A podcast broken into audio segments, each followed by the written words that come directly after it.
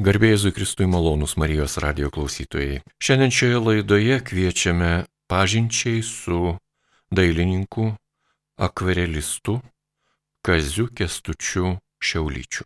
Įkalbina Liutauras Serapinas ir iš karto ir sveikinuosi su gerbiamu dailininku Kaziu Kestučiu Šiaulyčiu. Garbėjai Kristui, laba diena. Labas. Dėkojame, kad atvykote į Marijos radijų ir galėsite papasakoti apie tai, kaip jums sekasi lieti akvareles.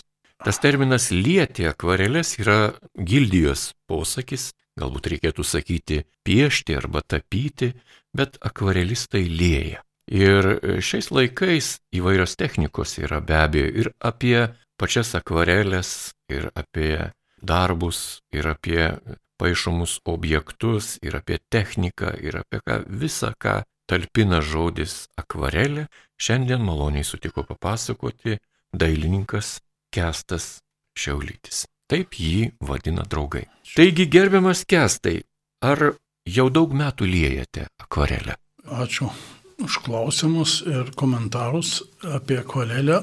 Žinau, kad jūs esate irgi iš pagal savo studijos ilgametės irgi dailininkas, todėl lengva su jumis kalbėti apie tai, ką jūs puikiai išmanot ir be manęs. Akvarelė e, lieti yra e, malonumas didelis.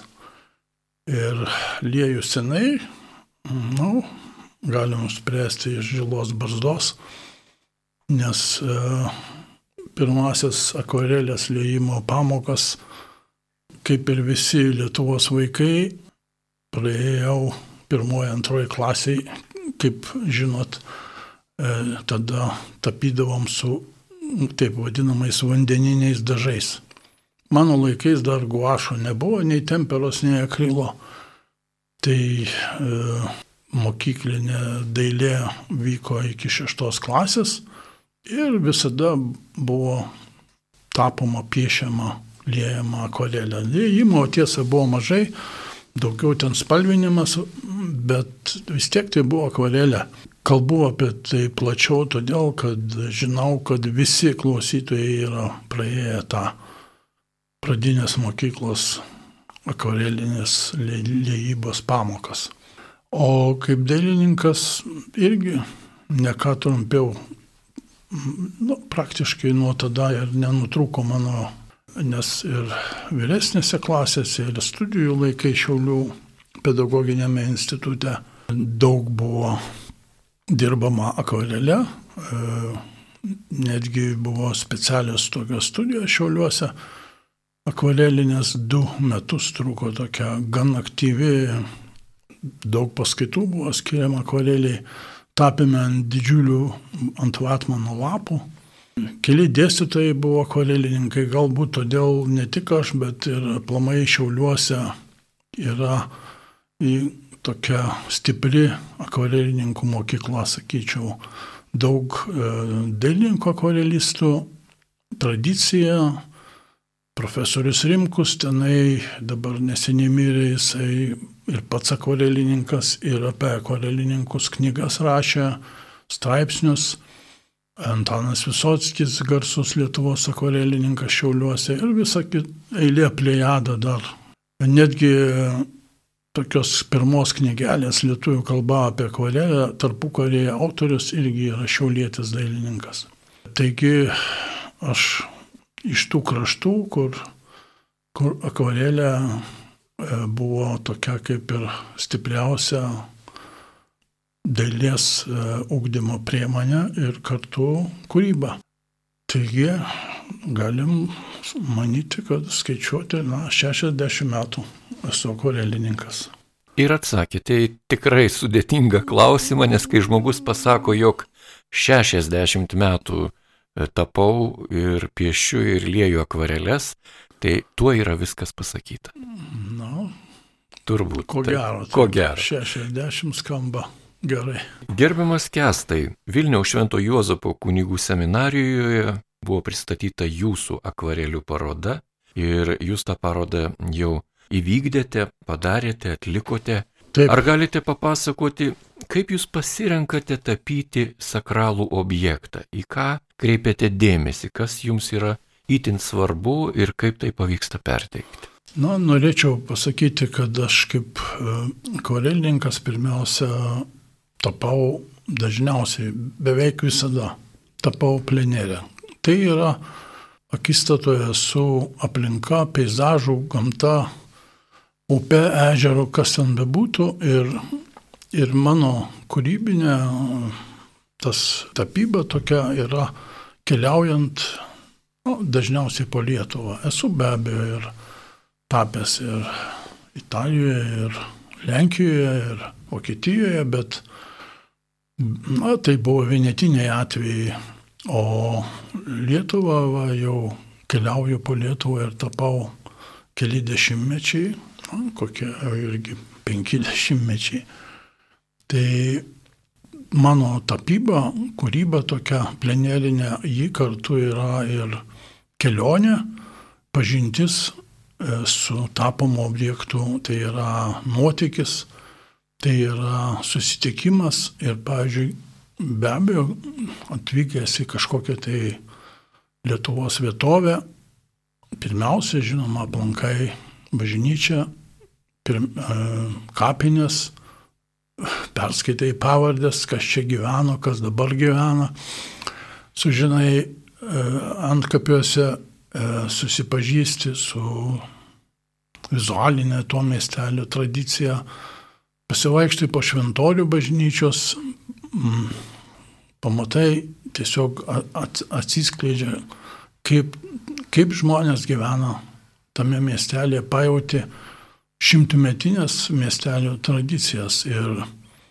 dažniausiai taip ir būna, kad jeigu nori tą miestelį nu, savo, savo tarkim, tokį žodį įamžinti akvarelėje, tai be abejo renkėsi tapyti bažnyčią, šventorių, nes tai yra pagrindinis objektas tame miestelėje. Ir, o, o tapyti yra ką? Ir, ir šventoriaus vartai, ir koplytėlės, ir, ir kryžiai, ir, ir pati bažnyčia, vartai, arba net interjerą kartais tenka teko tapyti, jeigu rasdavau atvirą bažnyčią ir arba tų vietų, kuriuose dažniau būdavau bažnyčiose. Na ir dažniausiai, žinoma, keliauju po Žemaityje, o ten, kaip žinoma, kaip žinote, ir pakelėse yra tokių objektų kaip e, koplytstulpiai, koplyčios, Turiu draugų, kurie man, mane nuveža, pasako, o čia mes šitą koplytėlę restauravome, atstatėme ir maždaug duoda suprasti, kad galbūt tu gali ir nutapyti tą, tą vietą. Be abejo, aš tą ir darau visada, e, nes tai yra įdomu ir, ir, ir pats pasijaučiu kaip pakelės koplytėlė. Toks keliauninkas, žinot, kuris Tik tiek, kad aš stoviu tenai keletą valandų, o koplytėlė šimtmečius. Paugusi kokiais klevais ir, ir bijūnais. Gerbiamas Kestuti, žinoma, besiklausant jūsų, natūraliai jūs e, dirbate laukia, ne savo studijoje, ne iš nuotraukų. Ne. Ir tos atneštos akvarelės reprodukcijos ir rinkiniai, kuriuos jūs čia prieš laidą man parodėte, man iškart sukėlė tam tikrą įtarumą. Viskas padaryta vasaros, rudens, pavasario metu. Nėra žiemos. Ir aš dabar suprantu, kodėl nėra žiemos, nes jūs esat pleneristas, jūs tą darote laukia. Taip, galiu pasakyti, kadangi dabar žiema, esu bandęs tapyti žiemą, tai rezultatas yra toks vandenį ant popieriaus palieji, jis iš karto sušala, nes plonas sluoksnis, minus keturi buvo, iš karto sušala ir tokie ledokšnis pasidengia. Paskui parnešinų tirpsa kartu su dažu ir praktiškai nieko nelieka. Žinoma, nieko nelieka. Taigi, norint toliau radio klausytojams pristatyti jūsų kūrybą. Primenu gerbiami radio klausytojai, jog šiandien laidoje dalyvauja dailininkas, tapytojas, akvarelistas Kazys Kestutis Šiaulytis. Jį kalbina Liutauras Serapinas ir mes kalbame apie jo kūrinius, kuriuos visai neseniai Vilniečiai galėjo matyti e, Vilniaus Švento Juozapo kunigų seminarijos patalpose.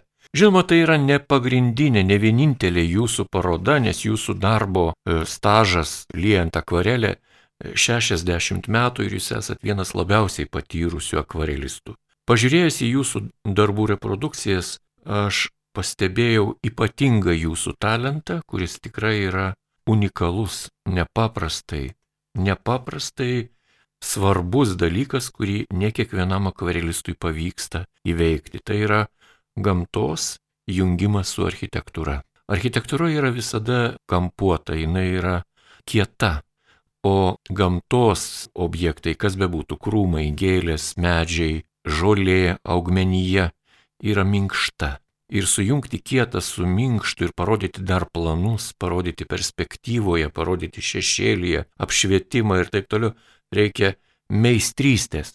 Va, mano rankose yra jūsų tapyta akvarelė 1989 m.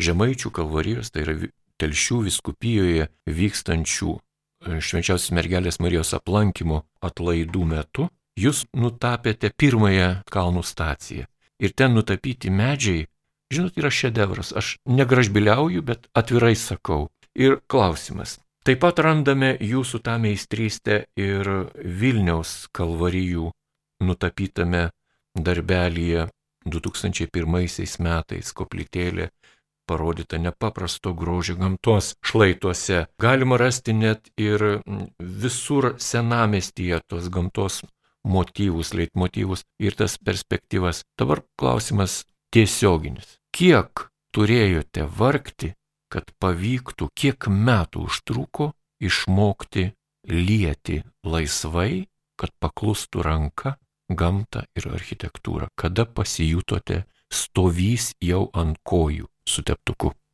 Ačiū už e, tokį malonų aptarimą mano akvarelių. Mm Na, tikrai smagu girdėti iš specialisto lūpų. Iš, išmanų žodį jūs e, kaip atidus menotyrininkas aptarėt tas mano peizažinės akvarelės su būtent sakralinių pastatų architektūra. Čia aš atnešiau taip iš tikrųjų atvirukų, kuriuos esu išleidęs su šventoriais, bažnyčiomis, koplyčiomis. Esu tokių ne vieną dešimtį matyti išleidęs ir rinkiniai keli. Ir iš tikrųjų vieni tik tai pasižiūrė, aha, čia tas ir tas objektas, o jūs štai panagrinėjot ir medžius, ir, ir debesis, kurie be abejo, be abejo jie supa architektūrą ir, ir tame yra ir, ir nuotykis, ir, ir ir, ir malonumas keliaujant tapyti, aplanky, aplankant e, konkrečias vietas, nu, tiesiog norisi pabūti šalia tokios šventovės, kaip ir ta paskutinės vakarienės koplyčia Žemaičių kalvarijoje. Tapiau prisimenu, jau čia buvo Liepos 7, pavakarė jau buvo maldininkai išsiskirstę, aš atsisėdau ant e, pačioje kryškelėje, ant žolės kopsto. Ir ramiai keletą valandų praleidau stebėdamas vakaro saulės šviesoje apšviestą šitą nuostabią koplyčią paskutinės vakarienės. Viena gražiausių koplyčių žemaičių kalvarijai. Ir tada, tiesą sakant, jūs čia gyrėt tą medžio lajas, tada dar netaip drąsiai tapiau 2000 čia, ne, Taip, čia dar anksčiau, 89-ieji. Čia tokia dar sausesnė buvo akvarelė. Paskui vis, vis, vis tokių platesnių mostų tapiau. Na ir taip, tas procesas mokymosi, žinot, užtrunka ilgai. Praktiškai visą gyvenimą, kai manęs klausia, e, kur mokėsi, kada mokėsi, ko mokėsi, aš visada sakau, kad dailininkas mokosi visą gyvenimą Nes kiekvienas e, naujas darbas, kada jį pradedi, tai yra tau kaip iššūkis, ypač kada tu ne, ne namuose, ne studijoje, kur viskas yra įprasta, kur po ranka yra išdėlioti dažai ant palėtėje, o, o gamtoje, kur tu turi surasti motyvą, ieškoti jo po to surasti vietą, kur įsitaisyti, iš kurio kampo žiūrėti į tą objektą. Ir e, tai yra iššūkis, nes saulės šviesa ar debesis tau arba trukdo, arba padeda, apšvietimas trukdo arba padeda. Taigi kiekvieną darbą, kada tapai, tu tarsi papuoliai kažkokią nežinę. Išsitrauki teptuko, atsiverti dažų dėžutę, baltą popieriaus lapą ir nežinai, kas gausis. Ir būtent aišku reikia jau didelės patirties, kad gautųsi tas iš karto, nesugadydant popieriaus lapą, nors būna, pasitaiko net ir dabar man, kad tenka nutraukti darbą ir iš, iš naujo pradėti. Nes akvarelės pataisyti negalima, jeigu jau suklydai kur. Tai, taigi tas mokslas trunka nuolat, jis vyksta mokymasis akvarelę tapyti. Ir matyt, kad ir, ir nesibaigia jisai niekada. Nes, kaip sakau, kiekviena akvarelė vis kitokia, vis kitokia situacija, vis kitokia savo uždavinį iškeli žinai pagal savo jėgas, ar sugebėsi tai nutapyti ar ne. Ir jeigu žinai, kad sugebėsi, įmėsi vis dėlto nutapyti bažnyčią, jos architektūrą, aplinką yra na, pakankamai sunku tiesiai iš, iš natūros e, tapant. Tai yra na, tikrai iššūkis tapytojai. Malonus Marijos radio klausytojai šiandien laidoje vieši akvarelistas, dailininkas Kazys Kestutis Šiaulytis. Įkalbina Liutauras Serapinas ir tęsėme laidą. Taigi, gerbiamas Kestai, jau jūs e, truputį atvėrėte savo portretą, kas esate ir ką mėgstate ir kaip jums sekasi. Ir štai rankose laikau jūsų akvarelę, kuri yra tapyta 2001 metais. Tai yra Vilniuje esančio viešpatės dangun žengimo bažnyčios, liaudėje vadinamos misionierių bažnyčios fasado akvarelė. Ji yra ypatinga tuo, kad žvelgiant į šį darbą, neįmanoma nusakyti, kada jį tapyta.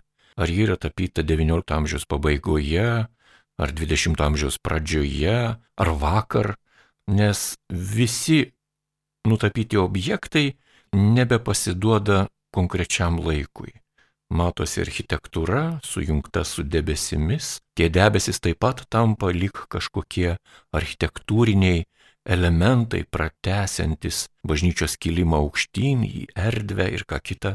Man akvarelė dėstė tikrai puikūs tapytojai Guobis, Vincas Kisarauskas, Antanavičius ir, ir kiti, Daniliauskas. Ir vaikystėje, žinoma, Čiurlionio meno mokykloje, kai mokytojas prieina ir su ranka tau tiesiog tapant dangaus debesis paima ryškiai violetinį dažą ir jį tepa pačioje ir sako, o čia bus šešėlis tavo debesies. Tai tavo vaikui sudreba, žinoma, visas pasaulis ir visas supratimas, kad dangus yra nežydras ir nebaltas. Jame galima rasti ir juodą, ir plieninę spalvą, ir violetą, ir netgi žalę, ir ultramariną, ir kobaltą, ką tik nori, net raudoną.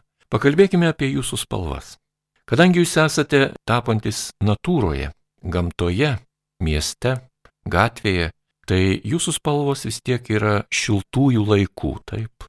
Daug kas sako, jog jūsų akvarelės yra labai ramios, šiltos, jaukios. Kaip renkate spalvas? Kokias naudojate spalvas?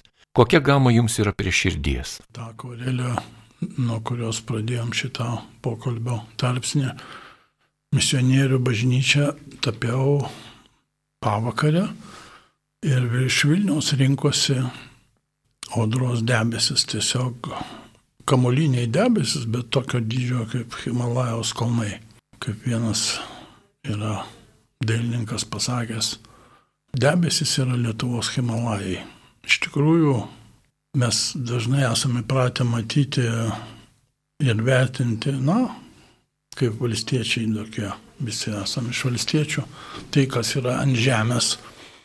E, žemė, grumsta, e, medį, e, tvorą, bet debesis, žinot, yra irgi kasdien Lietuvoje ir pakėlus akis į dangų, iš tikrųjų jie dalyvauja nuolat mūsų peizažai ir, kaip sakėt, turi ir spalvą, ir charakterį, ir, ir, ir polėkį tie debesis, nes laksto danguje. Ir dailininkas jų neturi niekada užmiršti e, pokalbį su jais. Taigi toje akvarelėje, kurią minėjot, misionierių debesis ten vos ne lygiavertis veikėjas su misionierių bokštais. Tai iš tikrųjų aš stengiuosi perteikti tai, ką matau, jeigu tai yra vakaras kaip pavakarė, kaip e, Žemaičių kalvarijoje, jeigu tai yra vidurdienis, jeigu tai yra rytas, tai ar, ar graži vasaros diena, kaip beržūrė, septynių koplyčių kalne karšta buvo diena. Tai tą aš ir noriu perteikti ne, ne kurdamas kažkokią tai, mano tikslas yra mm, kurti ne efektą, o atvaizduoti tikrovę. Mano tikslas savotiškai kartais aš prisipažįstu, kad esu metraštininkas. Aš tą žinau, mane traukia būtent e, laikmetis, vietovė, žmonės, kurie ten gyvena. Konkrečiai vietoj aš lankau tas vietas, kad pamatyti, kaip ten žmonės gyvena, kaip žmonės jaučia aplinką. Ir noriu tą vaizduoti E, ne save vaizduoti tapyboje, o aplinką, e, bažnyčių vartelius, e, jeigu tai varteliai, jeigu tai yra koplyčia, tai koplyčia, koplytėlė, tokia kokia su meistro auta papuošta yra konkrečioje vietoje. Taip pat ir konkretų peizažą aš tapau, norėdamas būtent išsaugoti tos vietovės aurą, tos vietovės energetiką, savotiškai netgi įvaizdindamas, e, nes e, rūpi dar ir įvaizdinimas tos miestelio, e, nes, žinot, viena yra miestelėje pafotografuoti, pasivaikštant ir visai kita, kada medituodamas perteiki miestelį akvarelėje, tikrai tapydamas, lėdamas įlieji į, įriši, į, įkalbi į akvarelę daug ką per tą valandą, dvi ar tris, kol tapai į debesis, į medžius, į lajas, į atspindžius langų, įlėjai savo mintis ir, ir, ir matymą tos vietovės. Todėl galbūt mano akvarelės, na, tokios, kaip, kaip sakėt, e, jaukios, švelnios, na, tokia Lietuva yra. Ir dar įdomią mintį jūs pastebėjot, kad e, kaip ir vėlgi misionierių bažnyčiai, kad nėra aplinkos automobilių ir ta bažnyčia galėjo būti tokia pat ir prieš šimtą ir prieš du šimtus metų mm, taip pat atrodyti. Na, taip, taip ir e, dažnai aš e, renkuosi būtent tokį motyvą, kuris yra ilgalaikis akvarelėse, ypač tapydamas sakralinę architektūrą, sakralinius objektus. Netgi jeigu kartais pasitaiko, kad e, stovi kažkur tai automobilis, na, jo nevaizduoju. Na, išskyrus va čia Vilniaus visų šventų bažnyčią, tapydamas netgi specialiai ten vieną objektą nutapiau, kurį ten mačiau, kad jis laikmetį atspindėtų konkrečiai tenai buvo dviratininkų stovėjimo, dviračių stovėjimo toks agregatas. Pirmą kartą Vilniui buvo nemokami dviračiai mieste pastatyti, tiesa, per, per mėnesį jie buvo visi dingę paskui. Taigi akvarelėse galvoju žinoma apie tapybą, apie spalvas, bet pirmiausia apie objektą ir tą vietovę. Kaip sakiau, tai yra mano asmeninis susitikimas su peizažu, su šventovė, su istorija ir, Ir būtent tas man yra svarbiausia. Na, spalvos svarbu, žinoma. Na, dar vieną noriu tokią pastabą pasakyti, nes e, apie tapybos eigą besimokant tapyti. Tokią darydavau klaidą. Šiaip jau dailininkai žino, kad e, labai saulėtą dieną reikia būti atsargiam, nes e, saulė taip skaičiai šviečia, kad visos spalvos e, atrodo išblukusios. Tavo tapomas spalvos taip pat atrodo neryškios ir netyčia prikrauni tiek dažo, kad paskui grįžęs,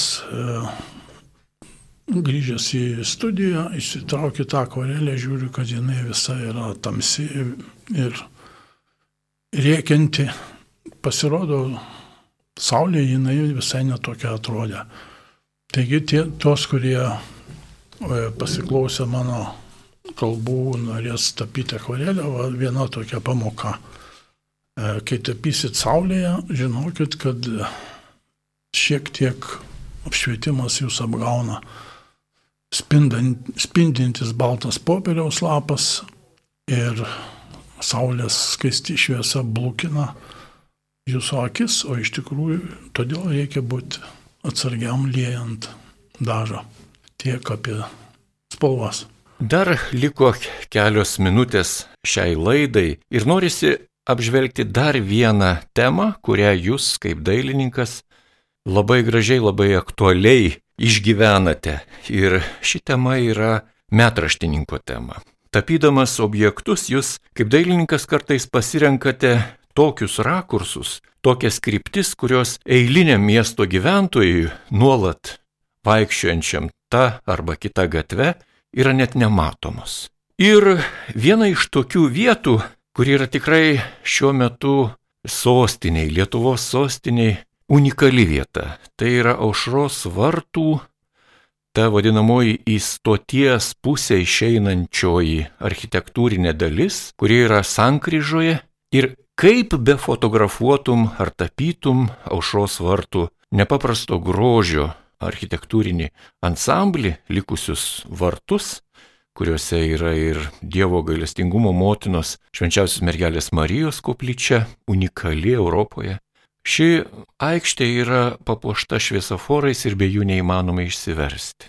Žinoma, jeigu būtų Vilniaus miesto šeimininkas, gaspadorius, su meniniu išsilavinimu jisai atkreiptų į tai dėmesį. Bet šiuo metu vadyba yra ir administravimas pirmoji vietoje.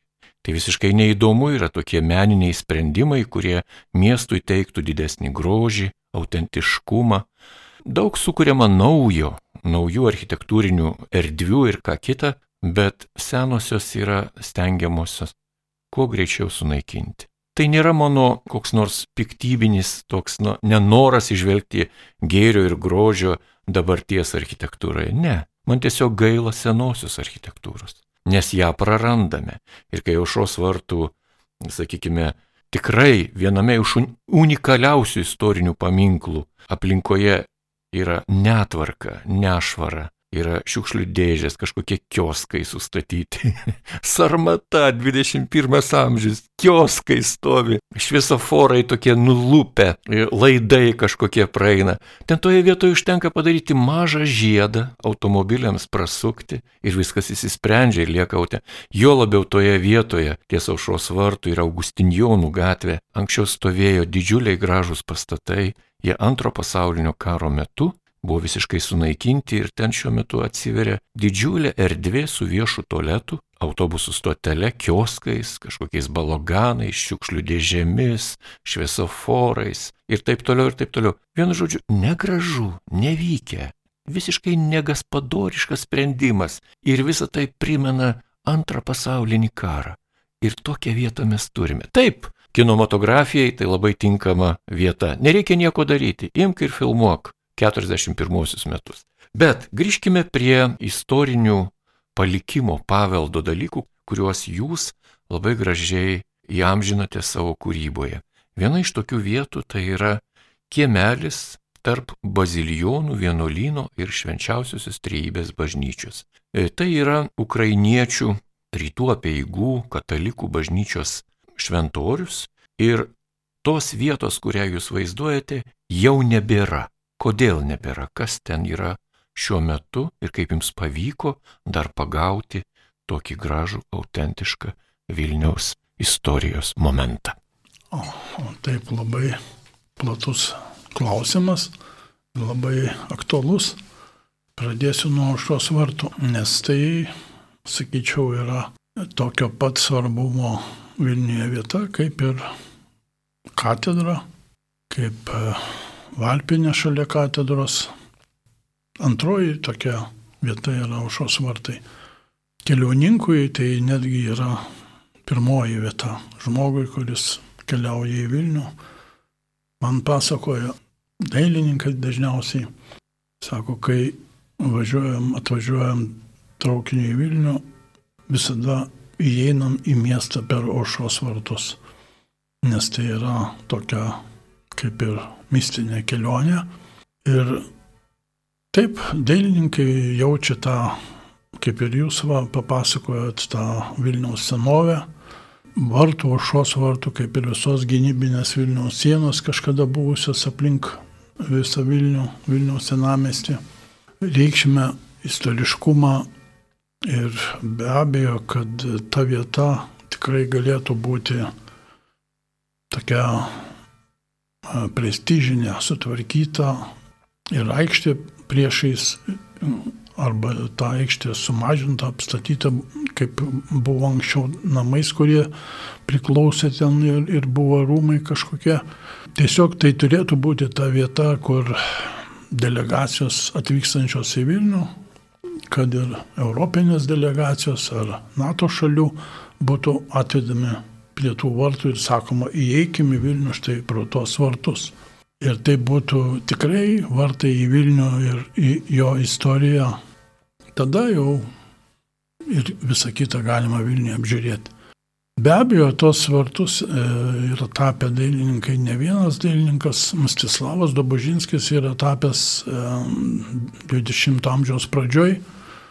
Na, tenai buvo 20 amžiaus pradžioj prie tų vartų išoriniai pusiai buvo irgi kioskelių, kuriuose pardavinėjo beigelius ir, ir dar kažką tenai. Bet tai buvo cariniais laikais. O dabar galėtų būti prestižinė vieta.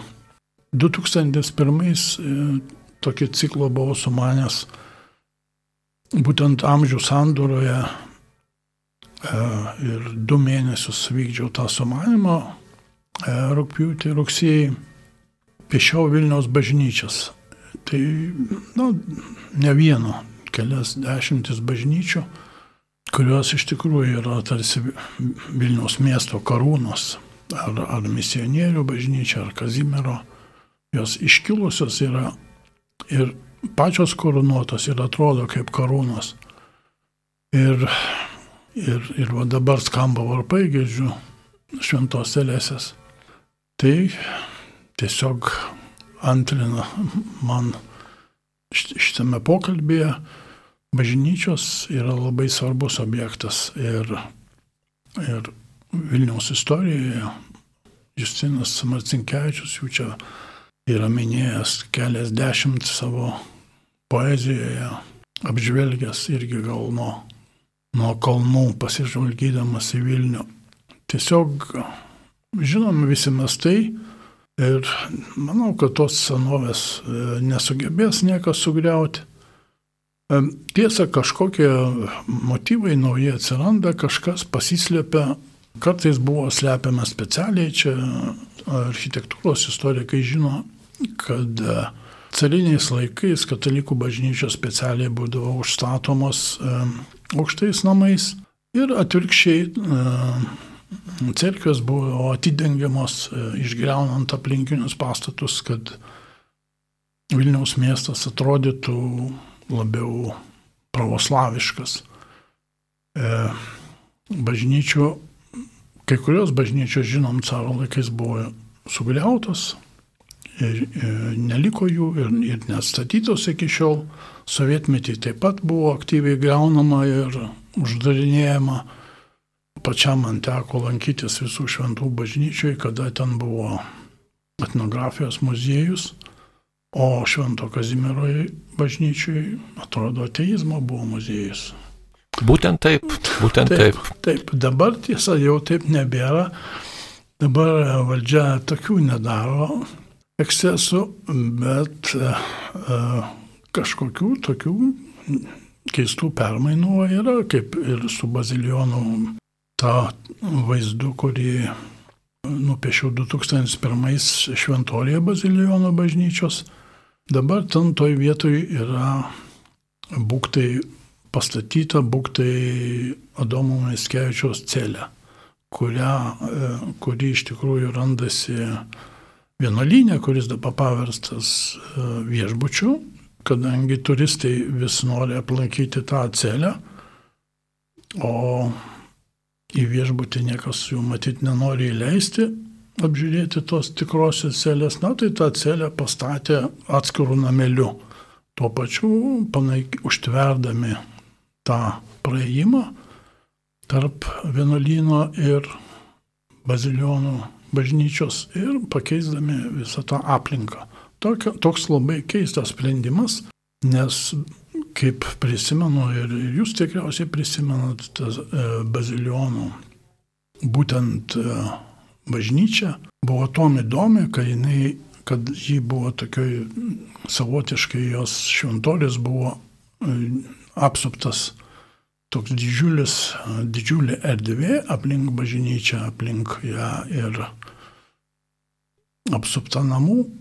Kiek teko skaityti, tai ten šitas, e, šitas šventorius, tai buvo pagonių laikais, tai buvo švent, šventgirė, kurioje pagal legendą ir buvo nukankinti vieni pirmųjų krikščionių Vilniaus mieste. Dar kunigai šalgirdo laikais atrodo. Tai tokius dalykus vis dėlto tokias erdves reikėtų išsaugoti, na, jeigu ši, šiais laikais apleista yra, na, ateis kiti laikai. Šiaip jau matom, kad yra labai daug, aš vaikštų dažnai po Vilniaus senamestį ir stebiu viską, fiksuoju, kada akvarelėse, kada fotografuodamas. Yra labai gražių vietų, labai gražiai tvarkomos erdvės restauruojami pastatai nelabai skundžiasi dėl to.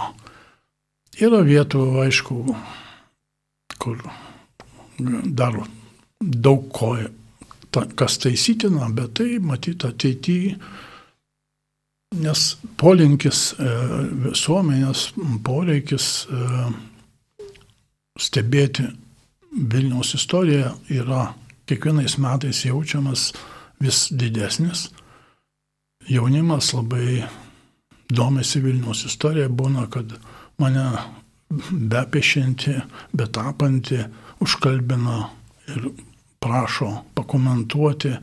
Jauni būtent žmonės, studentai prašo pakomentuoti apie tą pastatą, kurį tapau, kokius sapiegų rūmus, pavyzdžiui, jų fasadus ar apie kokią bažnyčią, kas čia yra, E, kodėl tapai ir panašiai. Ir kada jau pradedu plačiau kažką pasakot, tiesiog prisėda šalia ir, ir, ir, ir, ir dar pasakok ir dar, nes, na, tikrai jaunimas domisi ir manau, kad Vilnius su kiekvienais metais bus įdomesnis ir va, tas projektas, kur jūs aptarėt prie aušos vartų, aš manau, kada nors, nu, ne kada nors, matyt, greitai bus įgyvendintas, nes tai tikrai yra raktinė vieta Vilnius ir reikia skubiai ją tvarkyti.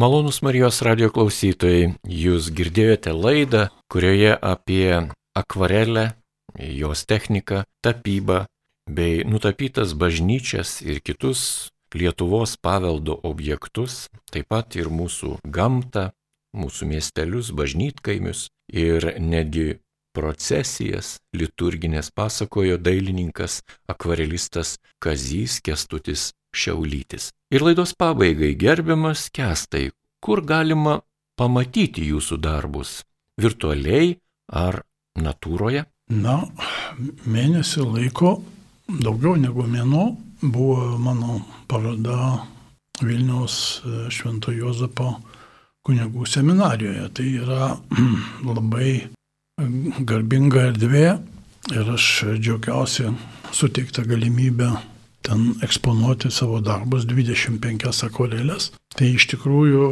esu dėkingas seminaristam, kurie, kaip pasakojo, sako, vaikščiojom kasdien apžiūrėdami, džiaugiuosi ir aš tokia publika rimta, išmanančia, buvo susitikimas su jais, e, su rektorium, su darbuotojais seminarijos. Kalbėjomės visą valandą prie mano tų darbų, labai įdėmiai aptarėm ir Vilniaus bažnyčias nu, nutapytas ir, kaip minėjot, miestelio šventovės. Na, ta paroda, 25 darbai dabar parengta, tikiuosi, kad uh, ją išeksponuoti ir Vilniuje, ir, ir, ir dar kažkur. 25 darbai daug vietos namuose užima, tad uh, džiaugsiuosi, jeigu kas pakvies uh, tą parodą pas save eksponuoti. Tai daugiau vietos bus mano studijai. Šiaip leidžiu atvirukus, jų esu su savo akvareliam išleidęs keletą šimtų ir kitų dailininkų darbų esu dar kokius 300 akvarelėse reprodukavęs, atvirukose reprodukavęs. Taigi keliauja po Lietuvą mano darbai atvirukose. Na, internete, taip pat Facebook'e turiu kelišimtus aktyvių narių, kurie kasdien turi progą mano akvarelės pamatyti, tai prisijunkit Facebook'e. Malonus Marijos radio klausytojai, jūs girdėjote laidą, kurioje savo akvareles pristatė Kazys Kestutis Šiaulytis. Dailininkas, akvarelistas, tapytojas, dailininkų filokartininkų klubo Grifonas narys. Jį kalbino Liutauras Serapinas, ragindamas jūs ir toliau likti su Marijos radiju.